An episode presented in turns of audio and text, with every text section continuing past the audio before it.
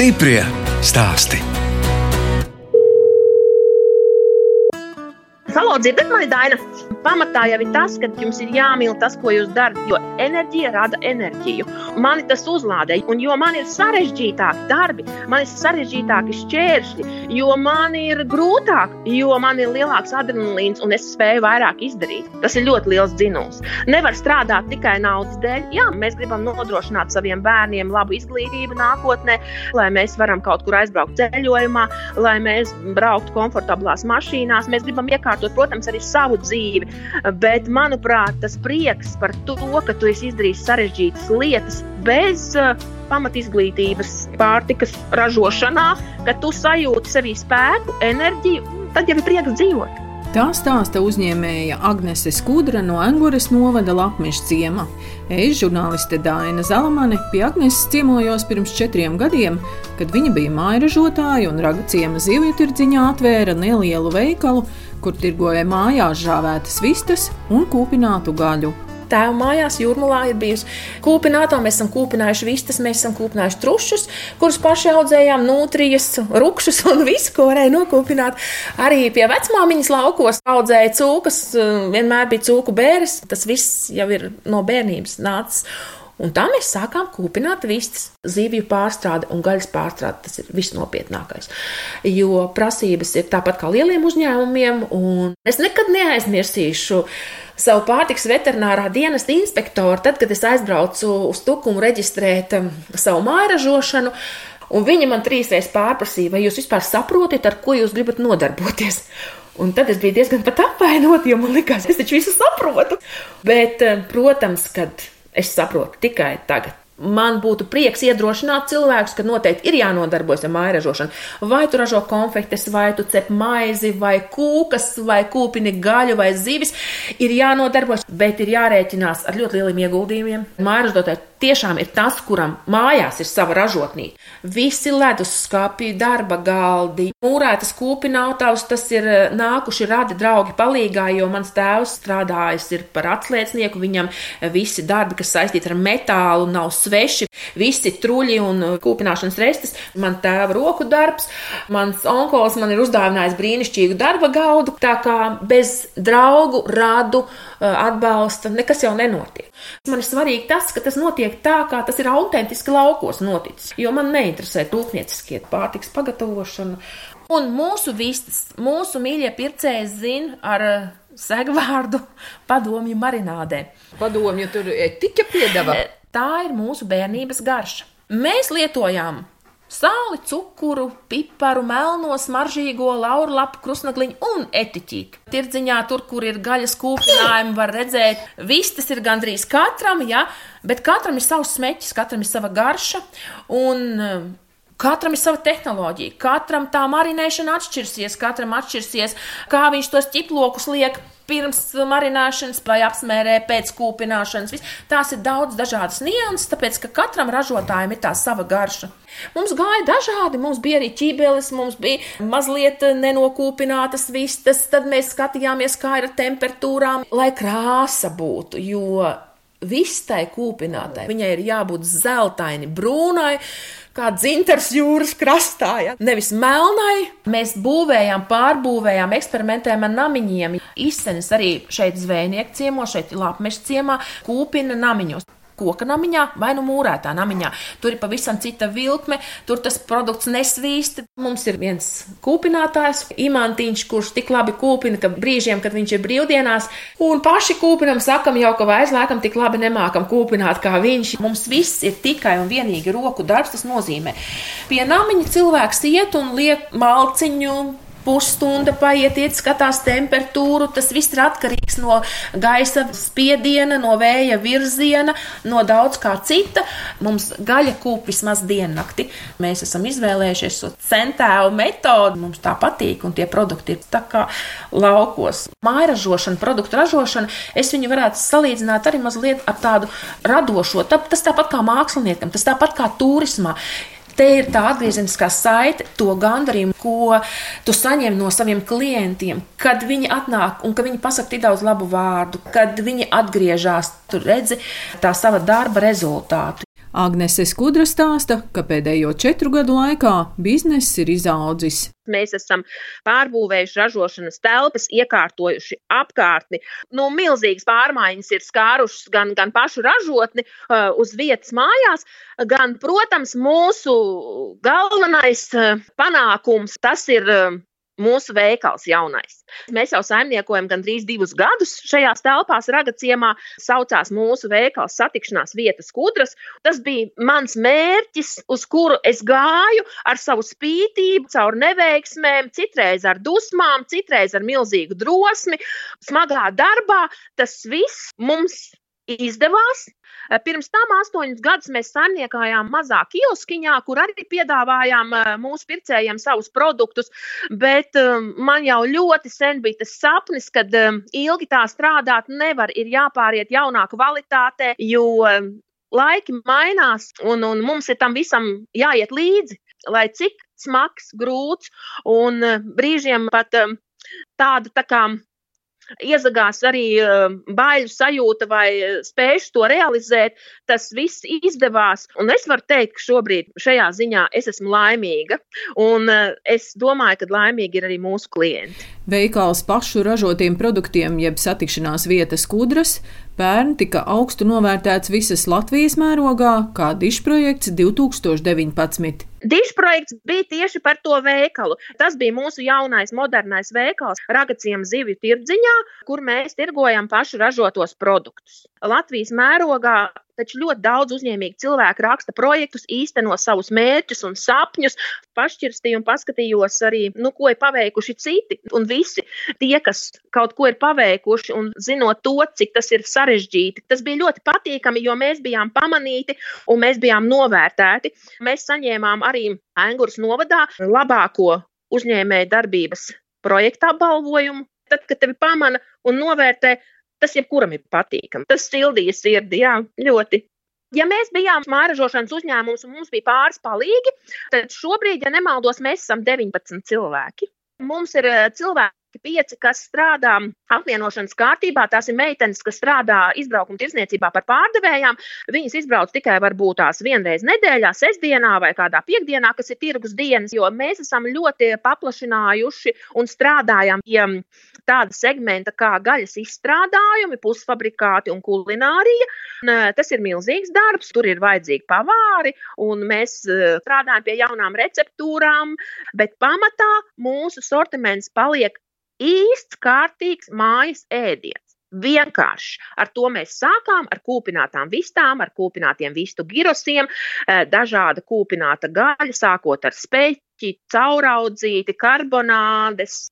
Agnesei Skudrai vaicāju, kā uzņēmējdarbību ietekmējusi Covid pandēmija. Mūs ir ietekmējis dažādi. Varētu teikt, ka mēs strādājam stabili, esam mēģinājuši pielāgoties, pakārtoties. Mēs esam ieguvēji tajā ziņā, ka mēs esam pazīstami ar savu veikalu un ka cilvēki šajā Covid laikā, pandēmijas laikā, viņi brauc pie mums. Brauc uz uh, vietu, kur ir mazākas drūzmēšanās, kur ir eh, mazāk cilvēku. Viņi ir nosēdējušies mājās, strādājot mājasēdēs un attālināti strādājot, un viņi grib izkustēties. Viņi brauc staigāt uz jūru, un viņi atbrauc pie mums arī iepirkties. Tā kā tā mūsu stabilitāte ir tas, ka mums ir ražotne gandrīz blakus veikalam. Un mēs visu laiku ražojam, gatavojam, svaigu vedam, un cilvēki to zina. Bet jāsaka, pēdējie valdības lēmumi, kas, protams, ir mm, skāruši arī mūs, mums pie pietrūkst pusotra kvadrātmetra, lai mēs varētu savā veiklā apkalpot divus cilvēkus vienlaicīgi.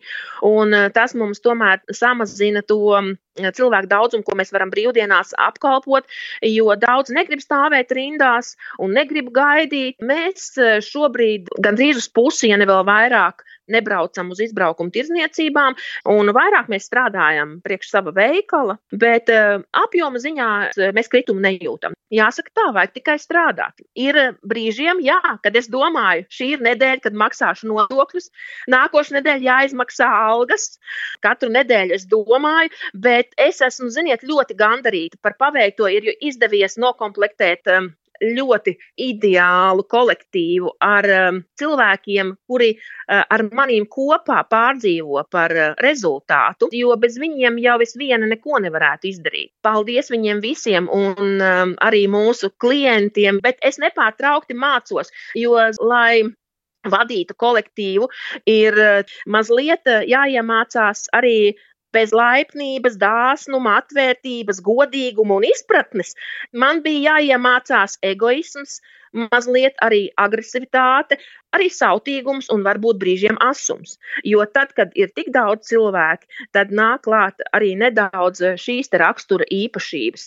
Pirms četriem gadiem Agnese Skudra mājražošanu apvienoja ar darbu nekustamā īpašuma apsaimniekošanā Rīgā. Izrādās, šo darbu viņa turpina joprojām. Man ir vajadzīgs eh, arī neliels pārmaiņas, tas darbs, tā dažādība, ko es iegūstu savā pārtiks uzņēmumā un ko es iegūstu savā Rīgas darbā, viņš man um, enerģētiski palīdz. Jo tu visu laiku esi varbūt ieslīdis kaut kādā vienā lietā, tas arī ir diezgan uh, sarežģīti. Bet man patīk tas, ka uh, man ir arī pavisam cita sfēra, kur es varu darboties, un, un pagaidām es vēl tīri labi tieku galā ar visiem pienākumiem. Saistībā ar pandēmiju, protams, ka liela daļa darba paiet attālināti. Ir jābūt cilvēkos, tu nevari nu, palikt tādā mazpilsētā vai ciemā, kā lapmeša ciems. Tu arī dari citas lietas. Kāpēc ne, ja to visu var izdarīt? Palikt mājās ar mājasaimnieci un, un tikai par tādu mājas uzņēmumu vadītāju droši vien, kad tas man ir pamaz man vēl ir plāni šajā visā jomā, kas saistās ar gaļu, ar gaļas produktiem. Visu mēs esam, es uzskatu, sasnieguši gan trīs to maksimumu. Bet eh, šobrīd es strādāju pie nākošā projekta, jo sapratu, ka vēl man atļauj gan veselība, gan enerģija, gan iedvesma, tā arī būs pārtika. Un tas būs jauns segments. Ja viss izdosies tā, kā mēs tā kā gribētu, tad eh, tas jau būs šogad. Nākotnē es pēc iespējas gribētu samazināt izbraukuma tirzniecības, jo tas ir diezgan grūti, smagi.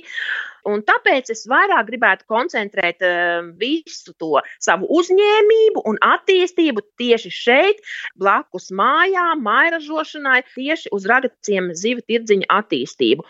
Un uh, vēl viens tāds liels jau padarīts darbs ir, uh, un es ceru, ka pandēmija tomēr kādreiz beigsies. Mēs esam arī ļoti attīstījuši mājās savu teritoriju un izbūvējuši ārkārtīgi skaistu lauku virtuvi, un mums ir maizes krāsa krāsns uzbūvēta, mums ir liels lauku grils, kur mēs veselus rupšus varēsim grillēt, un mums ir lauku plītis, un mums ir milzīgie čuguna katli, un mums ir terase, mums ir galdi, kur eh, es ceru, ka es varēšu arī ar laiku uzņemt kādus interesantus. Kur Agnese rod spēku pēc garas darba dienas, protams, dabā aizēju līdz jūrai, aizēju līdz mežam. Pēdējais gads ir bijis ļoti mums savāds. Ja, ja kādreiz iepriekš mēs guvām tādu enerģiju ceļojot ar bērniem, braucām vairākas reizes gadā, tomēr atstājot mājas. Un nedomājot nedēļu, divas nedēļas par to, kas ir mājās, par darbu, tad nu, šī dzīve mums pēdējā gada laikā ir nolikusi mazliet citos rāmjos. Ja? Tāpat kā citi, šogad mēs esam braukuši pa Latviju, apceļojuši skaistas vietas Latvijā, mēģinājuši tikties vairāk ar uh, tuvākajiem ģimenes locekļiem, nu, vienkārši gatavot garšīgas maltītes mājās un rast uh, to prieku un, un laimi tādās vienkāršās lietās, jo nu, pagaidām mēs izmainīt neko nevaram. Mans vēlējums citiem kad es um, vēru vaļā to jauno veikalu, es domāju, ko es gribu pateikt saviem cilvēkiem. Viņi bieži mani varbūt nepazīst vaigā, viņi nav redzējuši, ja viņi varbūt domā, kas tā pa sievieti. Šircītī atbrauc uz darba drēbēs, tur nes kastes ar produktiem vai vēl kaut ko. Ja? Uh, bet ir tādi skaisti vārdi, manuprāt, kad māksla katru dienu dzīvot garšīgi. Un tas attiecās gan uz ēdienu, gan uz dzīvi, gan uz darbu, gan uz mīlestību, gan uz uzticību, uz pilnīgi visādām dzīves jomām. Ja, tā tad es novēlētu visiem cilvēkiem, mīļie, dzīvojam dzīvi garšīgi. Jo laime jau ir vienkāršībā un priecājamies. Mēs esam veseli, laimīgi, galvenais pozitīvas domas. Tas arī ļoti daudz ko dod katram cilvēkam. Stiprie stāsti.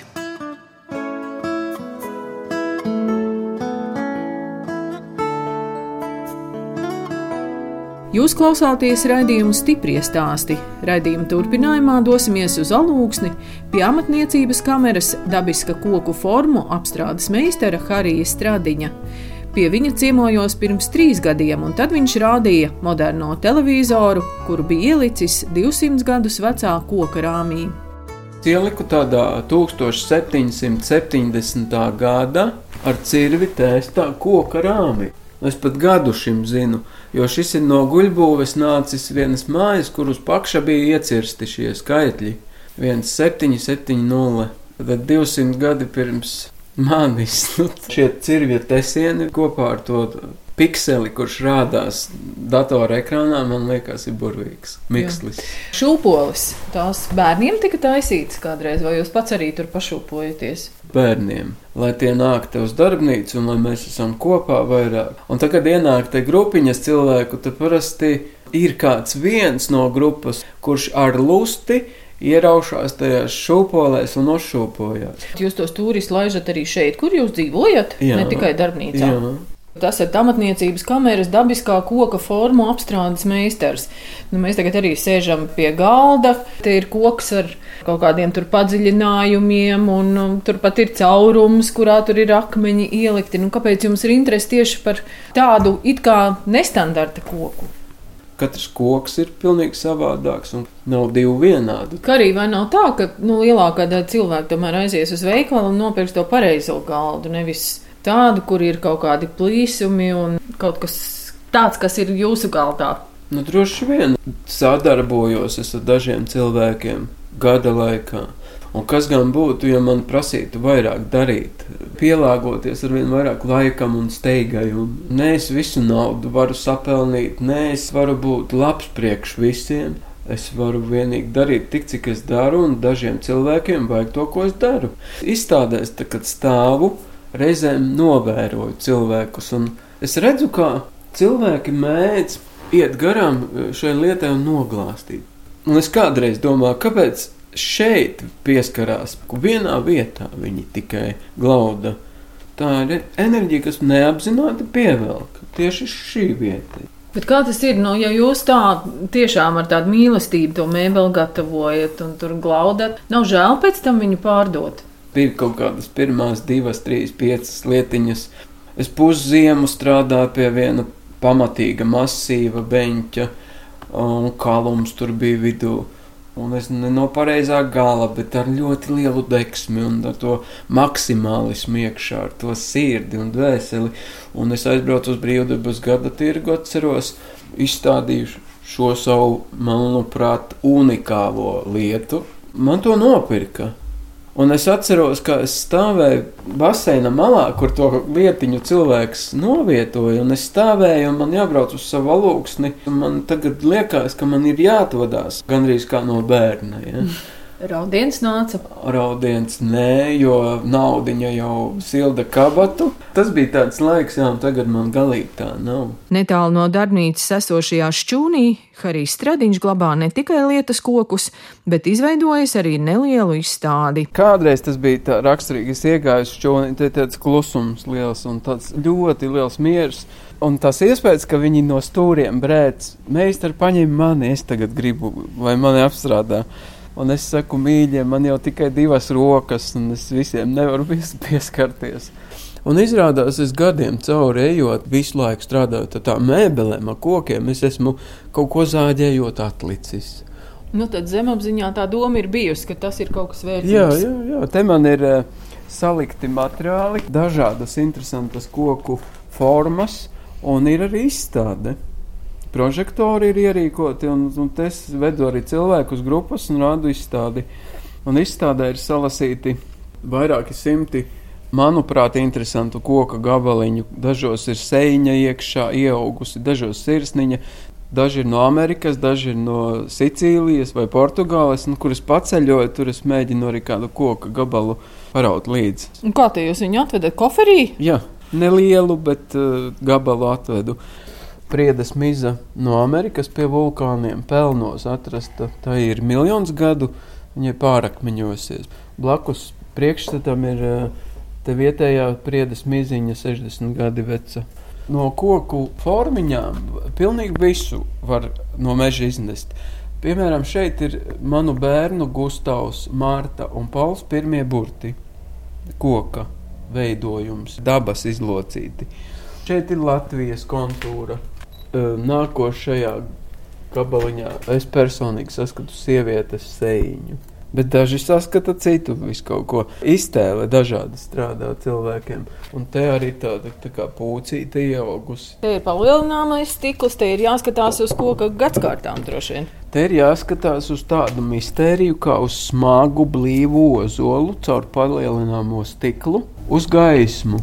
Un ko mēs redzam? Šeit ir ozols, starp stikliņiem ielikts plāna kārtiņa.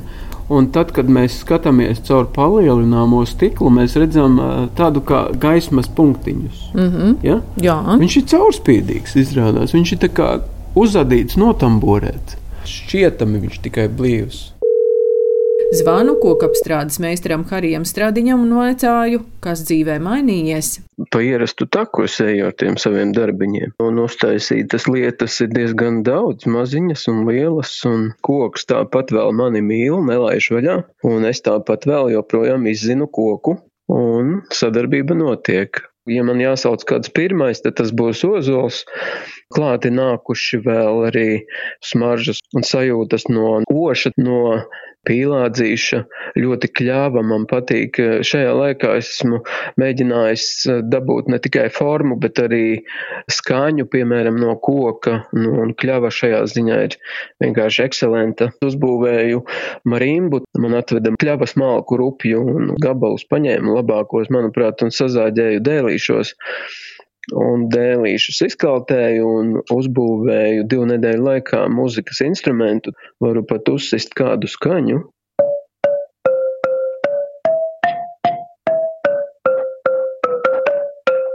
Nu, tā ir marimba. Ļoti patīkami, ka koks ne tikai forma, bet arī skaņa, tāda dzidra. Un, un tas nav profesionāls veikums man, bet man Pauls dēls mācās marimbu spēlēt, un, un šeit tad viņš te kaut ko arī pat, atnāk paspēlē. Vēl joprojām es vargānu spēlēju, pats šovasar bija jau otrais pēc kārtas tāds festivāls manā šķūnī lielajā. Nosaukums tam ir arī šķūņa mūzika. Šogad mēs bijām kādi seši jau dažādu mūzikas, nu tādu netradicionālu varbūt instrumentu spēlētāji. Un bija ļoti aprīkots ar gaismām, ar skaņu tehniku, ar sēdvietām skatītājiem, caur jumts šķūnim un mammai salījais krāgas, bet eh, kopā ņemot tāds jaunums man arī ir vēl, kā, kā šādā veidā es socializējos caur skaņām, caur mūziku, caur kaut ko neparastāku kā ikdienā. Tas šķūnis un tā izstāde vēl joprojām ir, un cilvēki brauca visu pagājušo vasaru. Man bija katru nedēļu vairākas ekskursijas, un tad mēs nākam iekšā darbnīcā, tad mēs dzeram ozolziļu kafiju un medu piekožam klāt. Un vēl joprojām es arī mēģinu rakstīt kaut kādus video gabaliņus, filmēt, un ir man staigājošā kustīgā pagalīte. Un, attiecību stāsti koka gabaliņu filmējumā. Un, nu, šās tādas e, fīčiņas es fotografēju. Harijs Stradiņš gadu strādājis kā maiturības skolotājs zēniem Malienas pamatskolā. Malienas skolā, mazā burvīgā skoliņā, tepat netālu no Lūksnes. Gāju uz to skolu tā kā ar sajūtu, ka no 5. līdz 9. klasē pirmkārt viņu tur ir mazāk kā ģimnāzijā, kur es biju pieradis strādāt. Un tā sajūta bija tāda, ka eh, mani sagaidīs labdienas skolotāji un pavadīs uz redzēšanos skolotāju, bet ir krievu lamu vārdi, ir, ir visādas nepiekāpības arī šajos te lauku skolēnos. Tā kā pieredze man tika gada garumā, pirmā stunda iepazīšanās man bija pie darbnīcas, nu, redzu, ka puķu dobē beigts putniņš, un es saku, jums te lāpsta ir kaut kur Viņi tādi brīnās un saka, jā, nu ir lāpsta. Un es saku, nesiet šurp, būs mums bēres, sāksim ar bērēm. un mēs to putniņu noglabājām. Tāda neparasta, tāda kopā būšana. Dažas lietas sapratu, kad manī šis tas ir pamainījies. Pa 13 gadiem, kopš es neskoloju. Šādas tādas reakcijas vēl ir vecās. Šis tāds lielākais jaunums, kas man trijos gados noticis. Runājot par koku apstrādi nākotnē, Harijs vērtē, ka šajā nozarē aizvien lielāku vietu ieņems tehnoloģijas civilizācija nogriežās uz, uz kaut kādiem mākslīgā intelekta pusēm, un, un tur neko neizdarīs. Dažreiz bailes paņemt, kad, nu, ko es darīšu, ja, ja nevajadzēs vairs cilvēkiem koka beņķīt, ja? bet tad man tāds saprāts iestājās, ka svarīgi ir ne tik daudz, ko es daru, bet kā es daru. Es varu būt kāda cita darba darītājs, mazums, ko var darīt cilvēks, ja kuram ir rokas, kājas un mazliet saprašana par kaut kādiem dzīves likumiem. Koka lieta uh, būs vajadzīga, bet uh, varbūt nebūs vajadzīgs tik daudziem vairs un tik masveidā 3D robots izdarījis precīzi to pašu, nu, vismaz skata ziņā. Priekš manis pieskāriens kokam ir un paliek svarīgs, un man tas ir ļoti vajadzīgs. Formas izjūta, apslīpēšana, bet tas ir priekš manis, ne priekš civilizācijas kopumā. Jo tos likumus diktēs tie, kuru smadzenes būs savādāk uzbūvētas. Un es skatos, kā tagad eh, jaunā paudze, kā notiek šī te ciparizācija, datorizācija, domāšana ir eh, tomēr savādāka daina domāšana kā mums. Un jauki, ka ir pasūtījumi amatniekiem un meistariem un māksliniekiem. Tas ir jauki, bet tas neizslēdz variantu, ka tas ir uz laiku. Es paredzu ļoti smagus laikus cilvēkiem, kas strādā amatos, kuri nebūs pieprasīti nākotnē. Varbūt neatiecinu tos galdnieku, bet uh, arvien vairāk aizvietot tas tiek cilvēka rokas ar saucamo mākslīgu intelektu. Nu, tas nozīmē ar programmām. Harijs Stradiņš jau kļūs par vecstāvu diviem mazdēliem. Mana Marta Malacis, jā, meita divus puikas pēc kārtas parādīja ievadīja pasaulē. Krišjānis ir pirmais un otrs ir Kārlis. Parāda man jaunus noteikumus un notikumus un nolikumus. Un, un man nav tā, ka es konsekventi justu sevī tēva lomu. Drīzāk man bērni nu, kaut kas tuvāk tādiem mīļiem draugiem, Un man ir arī balts kaķis. Tagad meita uzdāvināja baltu kaķi. Līdz šim bija suns, divas meitenes klāt vēl. Sunim liels paldies! suns mani ved pastaigās. Principā ir jādara tas, kas viņam ir vajadzīgs, jo viņš savādāk paliks resns, slimu sirdi, aizdusu. Un sevišķi jau cilvēkiem, kas strādā, piemēram, ar putekļiem, ar koku, vajag taču plaušas ventilēt. Ja? Protams, visiem jākustās. Nu, un mans suns vispār, viņš guļ visu nakti, tad viņš guļ līdz vakaram, un retureiz iziet laukā. Tā kā viņam vajag kustības, un viena tikai stunda, diena naktī, viņam ir tāda aktīva kustība kopā ar mani. Principā mums vajadzētu skriet, jo Gustavs, mans dēls ar savu suni, viņi skrien. Diezgan lielus gabalus viņi pat apskrien reizēm apkārt alūksnes ezeram. Un tas ir kaut kādi 15 km. Manējais ir diezgan līdzīgs man. Nu, mēs esam tādi ieturēti uz kustībām, bet uh, saimniekam suns paliek līdzīgs. tas arī fakts. Nu, to, ko es novēlu sev, to es novēlēšu arī citiem, un tas būs atkal netradicionāli. Mums ir pierasts teikt, nepadodies. Es teikšu sev, nepadošanās ir pretestība bieži vien. Pretestība ļoti noārda dzīves enerģiju. Es šādi padodos. Nu, piemēram, ja man nāk slimums, tad es to vienkārši vēroju, un tad viņš ļoti ātri pāriet. Ja man nav pasūtījumu, tad es pieņemu to, kas ir. Ja nav naudas, tad es zinu, ka tā nauda nekad nav kaut kas pastāvīgs. Tad viņa ienāk, tad viņa iziet. Tas ir viņas mērķis un būtība un sūtība. Tā kā nepretoties esošajam ir mans novēlējums. Radījums stipri stāsti izskan. Šoreiz sazinājos ar kokapstrādes meistaru Hariju Stradiņu no Alūksnes un Agnesi Skudru no Angūras novada Lapmešciema, kas kūpina gaļu un vistas, gatavo gaļas kulinārijas izstrādājumus un tos tirgo savā veikalā Ragaciema zivju tirdziņā. No jums atvedās žurnāliste Dāna Zalamane un operātori Nora Mitspapa. Uz tikšanos!